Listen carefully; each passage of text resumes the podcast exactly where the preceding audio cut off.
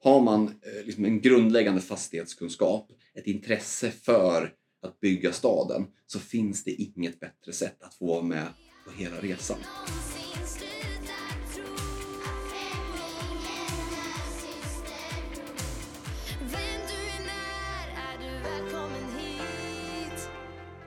Det här är podden för dig som funderar på vad du ska bli när du blir stor.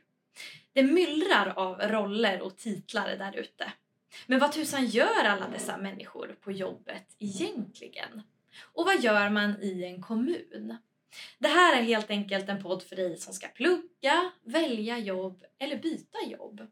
Och vi som hörs i podden jobbar på kommunikationsavdelningen och på HR. Jag är Elsa Li. Och jag är Linnea. Och det här är podden Vardagshjälp.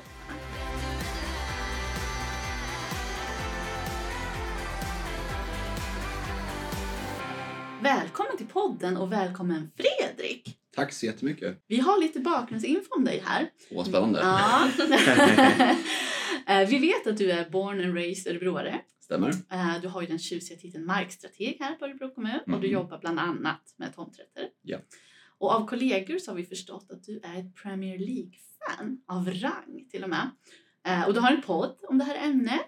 Du åker på mycket matcher, har lite tävlingar. Stämmer? Ja, men det, det stämmer bra. Det, jag är ju det man skulle kunna beskriva som en nörd. Ja. Ja. Jag, jag vill inte säga det ordet. Det är Men, men jag, jag köper jag bär det med stolthet. Jag tycker att det, är liksom är, det har fått en revival och jag känner ingen skam för det. Utan Mm. Fantastiskt. Super. Eh, vi har också förstått att du även nördar ner dig i godissorter. Mm. Och har fler matchtröjor än Pernilla Wahlgren har skor. Mm. Och en kunnig och uppskattad kollega på jobbet.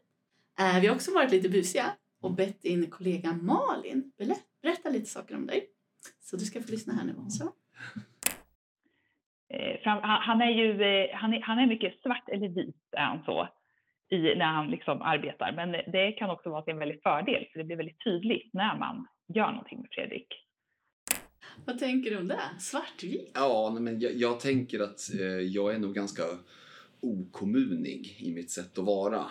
Det är inte så mycket silkesvantar på utan det är ganska mycket svart eller vitt på gott och ont. Ibland så får min chef och mina kollegor vara där och putsa lite i kanterna. Sådär. Men eh, jag eh, har lite svårt för den här, vad jag lite elakt brukar kalla ibland för en liksom gammaldags kommunsjuka. Att man bokar ett möte och så avslutar man mötet med att vi måste boka ett nytt möte. Jag är mer komma till skott. Nu gör vi det här. V- vad är det vi sitter och väntar på? Mm. Ehm, och- och- Härligt! Ja, men jag gillar det. Lite tempo och lite, Ja. okej, men då är vi överens, då kör vi. Ehm, så att, ja, Det är det hon menar. Jag tror att Ja. det kanske är det och mer. Sen Ja. är jag, eh, jag kan vara liksom ganska bestämd. Ja. Eh, en fråga om din roll. Mm. Hur blir man egentligen markstrateg? Och det är en väldigt bra fråga. Det är ju inte så att det finns liksom en, en treårig utbildning och så är man färdig och så bara söker man jobbet. Jag är ju ensam i kommunen om att ha just den rollen. Så hur blir man markstrateg? Ja, man förslagsvis jobbar ett tag inom kommunen så att man får en övergripande bild av hur fungerar ett eh, en miljö och stadsbyggnadsförvaltning. Hur bygger vi staden? Vilka parametrar är värda att ta in? Alla har sina perspektiv. Jobbar man med trafikfrågor, då är det det viktigaste. Jobbar man med bevarande av gamla byggnader, då är det liksom så. Och, och vi jobbar ju någonstans med att förvalta det som kommunen äger och det är vårt huvudsyfte. Är det ett gammalt hus som står och ser lite halvt farligt ut, då vill vi ofta riva det. Mm. Ehm, Utbildningsmässigt då? Vad har du för utbildning?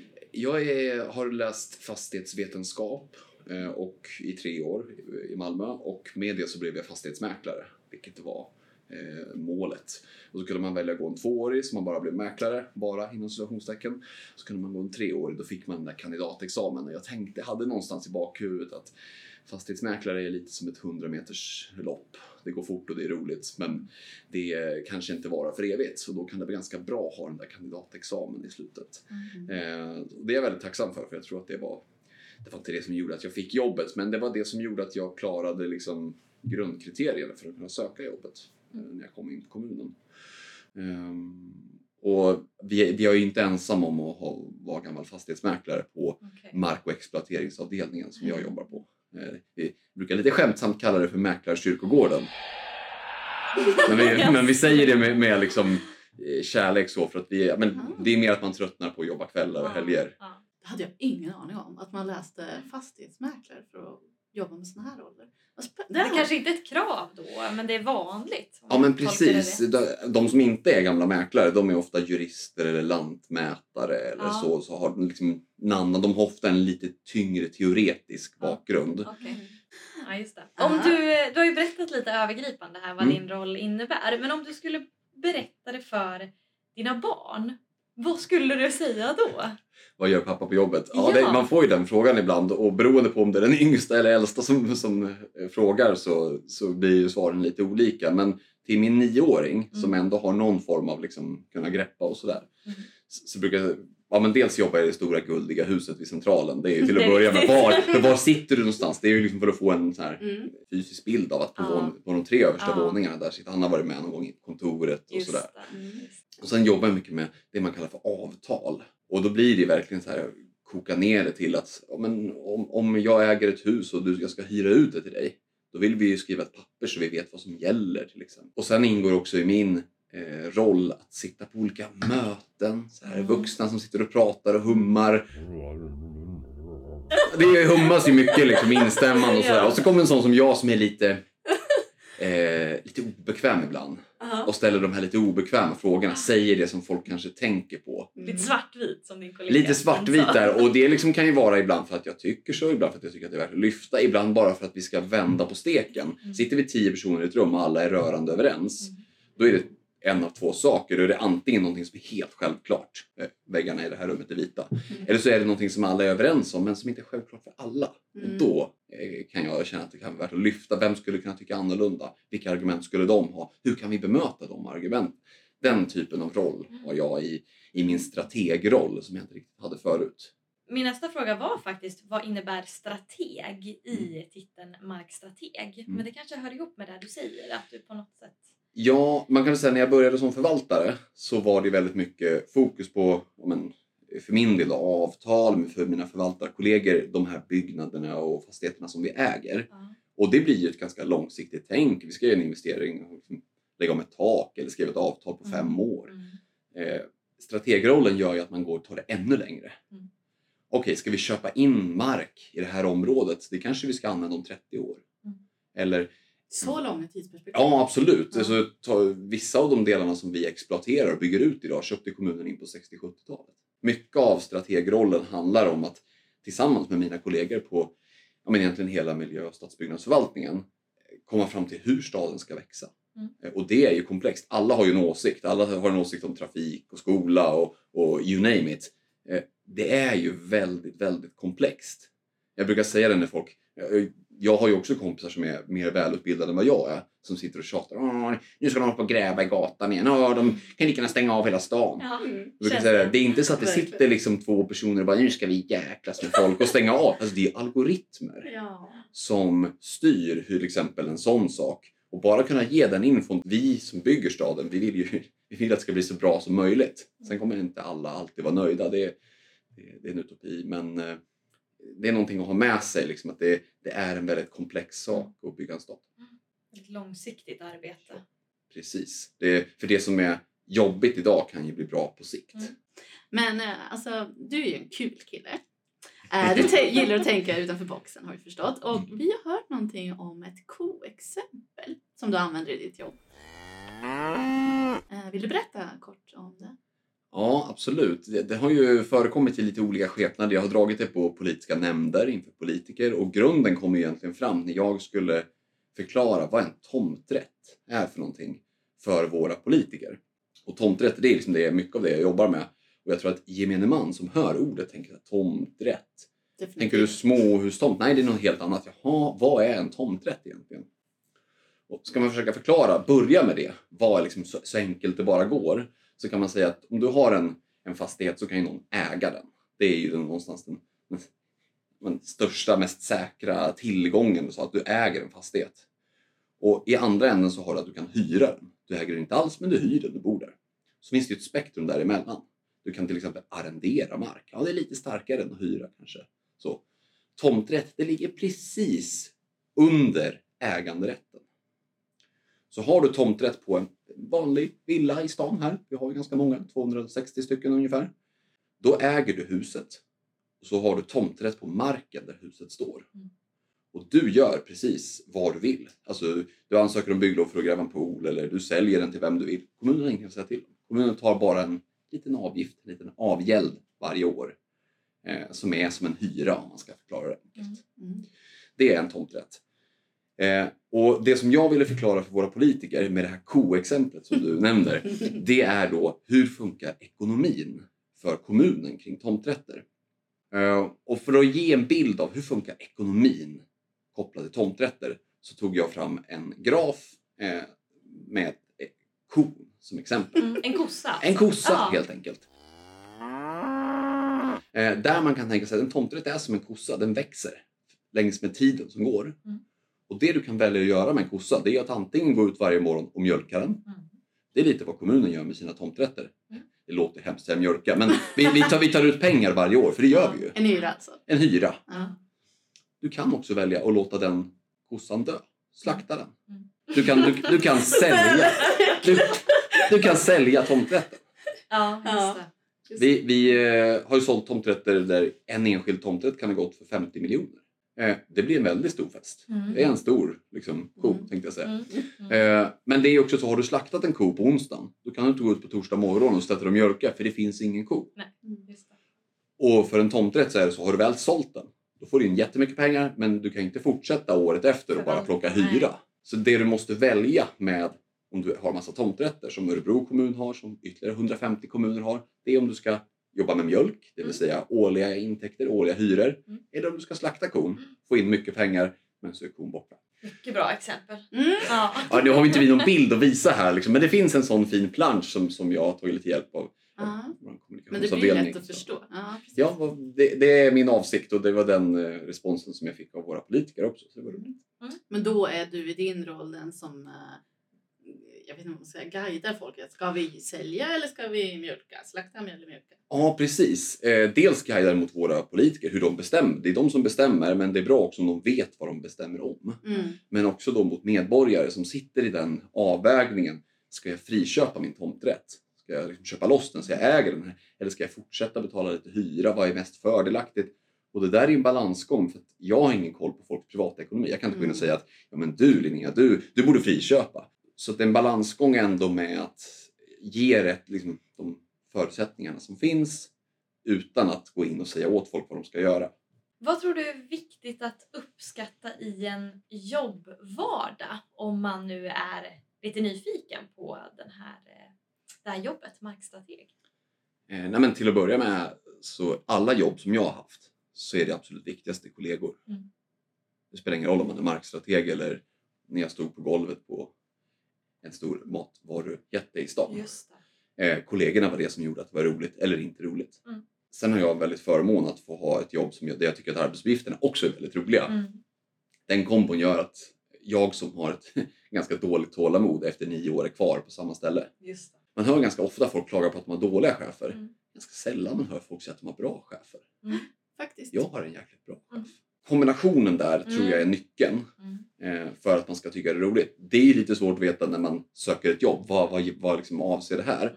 Men jag brukar tänka att när man söker jobb, ring de som jobbar där och fråga. Det går ju faktiskt att ringa och säga hej, jag jag såg att det här jobbet ligger ute och det låter jättespännande. Mm. Du jobbar ju på det här stället. Mm. Kan du berätta lite vad ni gör? Hur har ni det? Då får man också ganska snabbt en känsla för Ja.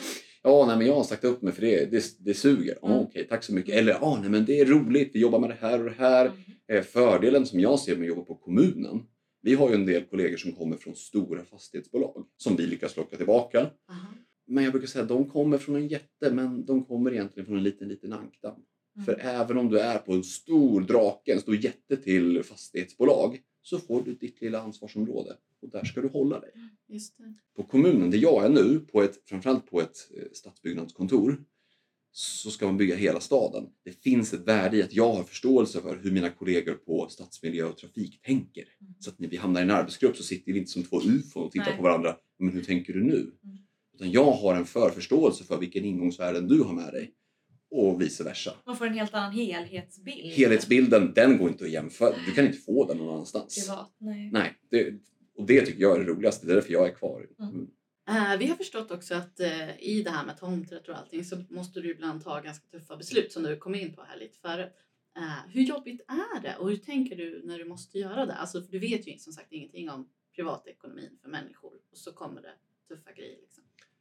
Eh, nej men, jag kan ju låta hård och raljant och sådär ibland, men jag är nog en ganska mjuk person. Har väldigt liksom, mycket förståelse för att folk hamnar i tuffa situationer. Man köper ett hus när räntorna är 1,12 1,12 och så tänker man ja men 1,20 klarar vi lätt. Och nu har vi räntor som är 4,5 procent. Alla samtal jag har idag är ju inte roliga med folk som Ja. Mm. sitter i hus och så har de tomträtt som kanske betalar 30 000 om året i den här hyran, avgälden. Och på det så har de räntor som stiger och så Mm. vet de inte vad de ska göra. Och så Mm. sitter jag och säger att jo men det kostar 457 700 att köpa loss din tomt. Mm. Och så hör man hur folk nästan gråter i, i andra änden. Ja, det kan vara supertufft. Eh, och då får jag liksom försöka gå in i en roll att förmedla det som är fakta som personen behöver veta. Ibland blir de arga på mig. Det är Mm. helt okej att bli det. Jag Mm. kan ta det. Liksom. Eh, men ofta säger jag, ja men okej, då vet jag läget. Det, det är ju en ganska vanlig respons. Fördelen som jag har, det är att i många fall när man pratar med folk så har de inte så skyhöga förväntningar på kundservicen från kommunen. Mm. Vilket jag tycker är lite märkligt. Nej, men de har inte det. Eh, så då om man liksom tar sig lite extra tid, lägger ner, lägger manken till, kanske pratar 10 minuter extra i telefon, förstår helhetsbilden. Då är de jättenöjda fast jag Mm. vet att de sitter i en situation som är jättejobbig. Och det är någonstans det jag kan göra i min situation. Ge dem glasklar Mm. fakta, visa på att jag förstår din situation, återkom om du har fler frågor när du har pratat med din partner hemma för det kan ju dyka upp sånt som Ja, ibland så känner man så här, "Ah, men nu har jag fått dig att förstå. Men du kommer aldrig få din partner att förstå samma Nej, sak. Men då är det okej att ringa upp igen. Eh, när du är ute på stan här i Örebro, Mm. eh, blir du färgad av ditt jobb då? Vi tänker så här, när jag eh, går på stan så kan jag se usch vilken ful skylt, varför har de valt det där budskapet? Usch vad tråkigt det där var. Känner du så när du går runt och bara, oh, vad är det här tomträtten eller den här fastighets... Ja. Ja, men man blir ju arbetsskadad Mm. när man jobbar på en arbetsplats där vi, vår liksom, uppgift är att bygga staden. Mm. Eh, Så allt ifrån när man åker ut och ser där det står byggkranar, man ser att de bygger, vi ser att det kommit upp huskroppar på um, Klostergatan nu till exempel, så vet man allt som har föregått kring det. Liksom. Och så vet man att alla andra som går där, de har bara gått och så har de sett myrorna, parkeringen försvinna och så mm, Ja. poppar upp ett hus. Och så har man väldigt mycket mer bakgrundsfakta än det. Det är ju ganska vanligt. Eh, sen är jag väldigt intresserad av arkitektur och byggnader och sådär. Så att det är väl också ett lager i sig att man när det byggs ett nytt hus tycker jag det är spännande att titta på det. Och, Mm. och jag drar mig inte heller för om jag har en åsikt om det och uttrycker det. Mm. Roligt. Mm. Jag tänker att man nästan kan känna lite så här stolthet. Där har jag varit med och påverkat och här vet jag hur de har jobbat. Alltså, så Ja där. men absolut, ta bara som ett exempel och då som inte då är ett hus, utan Ja. kanske lite mer det jag jobbar med. Vi har ute vid Kvinnerstaskolan så eh, gjorde vi en, en eh, helt unik grej där vi la ut ett, ett stort område på ungefär 107 hektar. Då ska man tänka en hektar är 10 000 kvadratmeter. Mm. Enorm. Så tänk, enorm. tänk er 10 000 kvadratmeter och så tar det gånger 107. Det är ganska stora ytor. Ja. La vi ut till möjligheten att få arrendera och bedriva eh, ekologiskt jordbruk på. Mm. Så där kan jag känna när jag åker förbi och så ser jag kanske en traktor som åker. Eller så Ja, här, att, ja, men det, de här 107 hektaren, det är otroliga liksom, ytor. Att de nu brukas, dessutom på ett ekologiskt sätt, ja, men det är jag som har. Mm. Jo, jag som gjorde ordning annonsen, det är jag som har skrivit avtalet. Mm. Jag har varit en ganska viktig del i det. Eh, och jag menar, så mycket narcissist är jag också att jag tycker att det är kul. Mm, Det förstår Ja. jag. Då var man och Ja, men det är verkligen, det har du rätt Mm. att känna. Vilken eh, sorts kollega är du, skulle du säga? Och det skulle väl Malin och mina andra kollegor egentligen svara på. Men en- jag är nog, eh, vare sig jag vill eller inte, en sån som tar ganska mycket plats. Och jag har någonstans förlikat mig med att det får vara så. Eh, sen kan man jobba med att, försö- att försöka se till att alla får komma till tals. Mm. Men alla vill ju inte komma till tals i allt Mm. heller. Men jag är inte en person som sitter tyst 30 minuter i fikarummet, på gott och ont. Jag tror att jag är en stöttande kollega i form av att jag eh, tycker om att hjälpa de som kommer som nya. Så jag tror att folk skulle beskriva mig som eh, villig att hjälpa till. Eh, social, lite småjobbig ibland, men så här med glimten i ögat. Ja, ja. Mm. det var fint. Eh, nu har vi kommit fram till momentet i avsnittet som vi kallar för tre snabba. Och det går ut på att vi kommer ställa tre eh, snabba frågor. Mm. Eh, och Och de då- kommer... Och då vill du ha lite korta svar, inte de här långa utläggningarna som jag kör. Ja, Nej. Ja, det är jag, jag, ska, jag ska göra mitt bästa. Så gott som det går i alla Lite fall. top mind eh, Yes. svar bara. Ja, Yes. exakt. Så. Mm. Eh, träffas digitalt eller fysiskt på möten? Fysiskt. Ja, det var snabbt. Favoritplatsen i Örebro?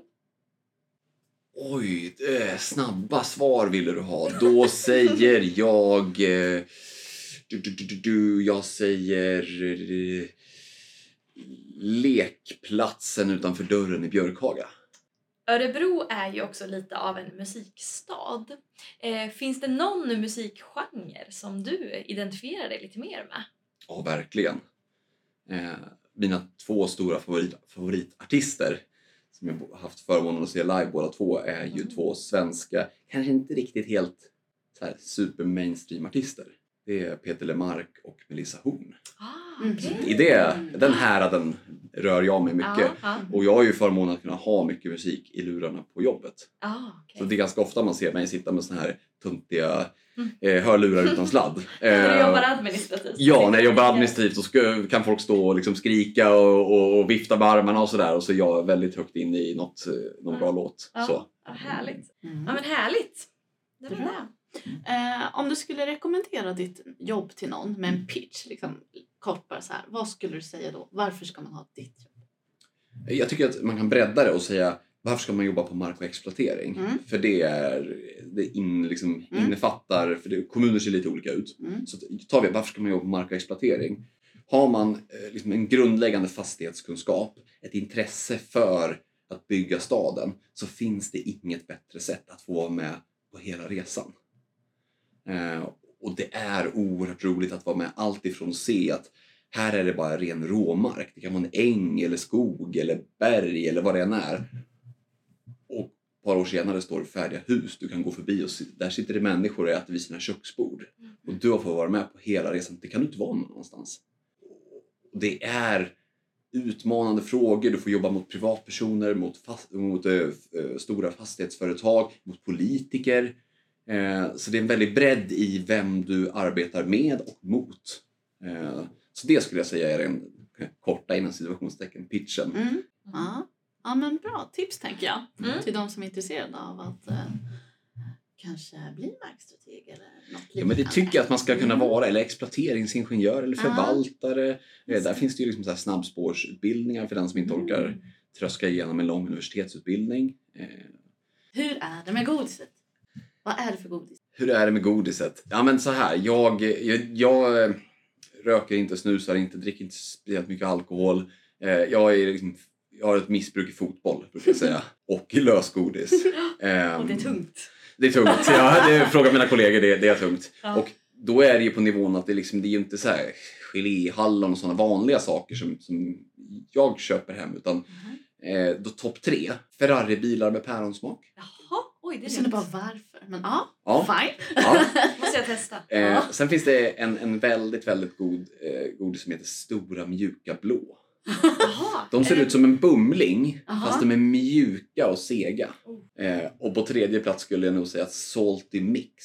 Och det är små puckar Mm. eh, som finns i typ eh, aprikos, vanilj och lakrits. Så ligger de blandade. Vart köper du de här då? Är det i vanliga liksom, Nej, ja, det är ju i, nu ska vi, det finns ju många olika Mm. godisbutiker men så finns det kanske framförallt två som har väldigt stort utbud varav en är väldigt bra. Ja, ja. Otrolig kunskap. Mm. Ja, det... det ehm, eh, Godispodd nästa. då, då kommer jag, då bjuder jag in mig själv.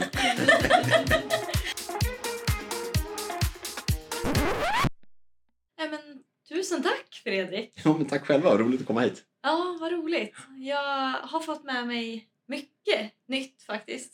Dels det här att, eh, ja, men som du har beskrivit, att man är en del eh, av en helhet i en kommun. Eh, och också hur stor påverkan ni kan ha eh, på en kommun och på, på, På ett landskap. staden. Liksom. På staden, Ja. ja. Verkligen.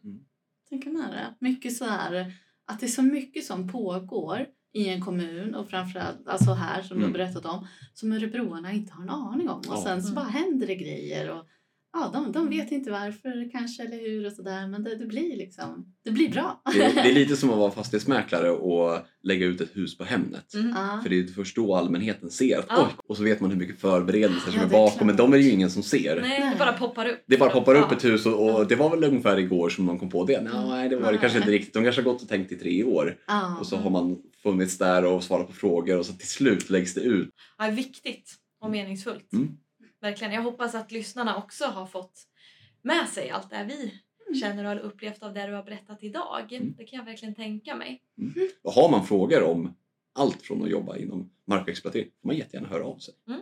Ja, man kan ringa till Servicecenter och be att få prata med mig, det är helt okej. Hörde ni vilket Ja. tips Ja, liksom? verkligen. Det hoppas jag att någon gör. Ja. Då blir du lite förvånad. och- Ja, men det är eller? bara roligt. Bara roligt. Mm. Tackar vi för oss, Ja, eller hur? För det här avsnittet och vi tackar Fredrik för Ja, att du har varit med. Eh, så hörs vi igen helt enkelt. Det gör vi. Ta hand om er. Hej då! Hej då!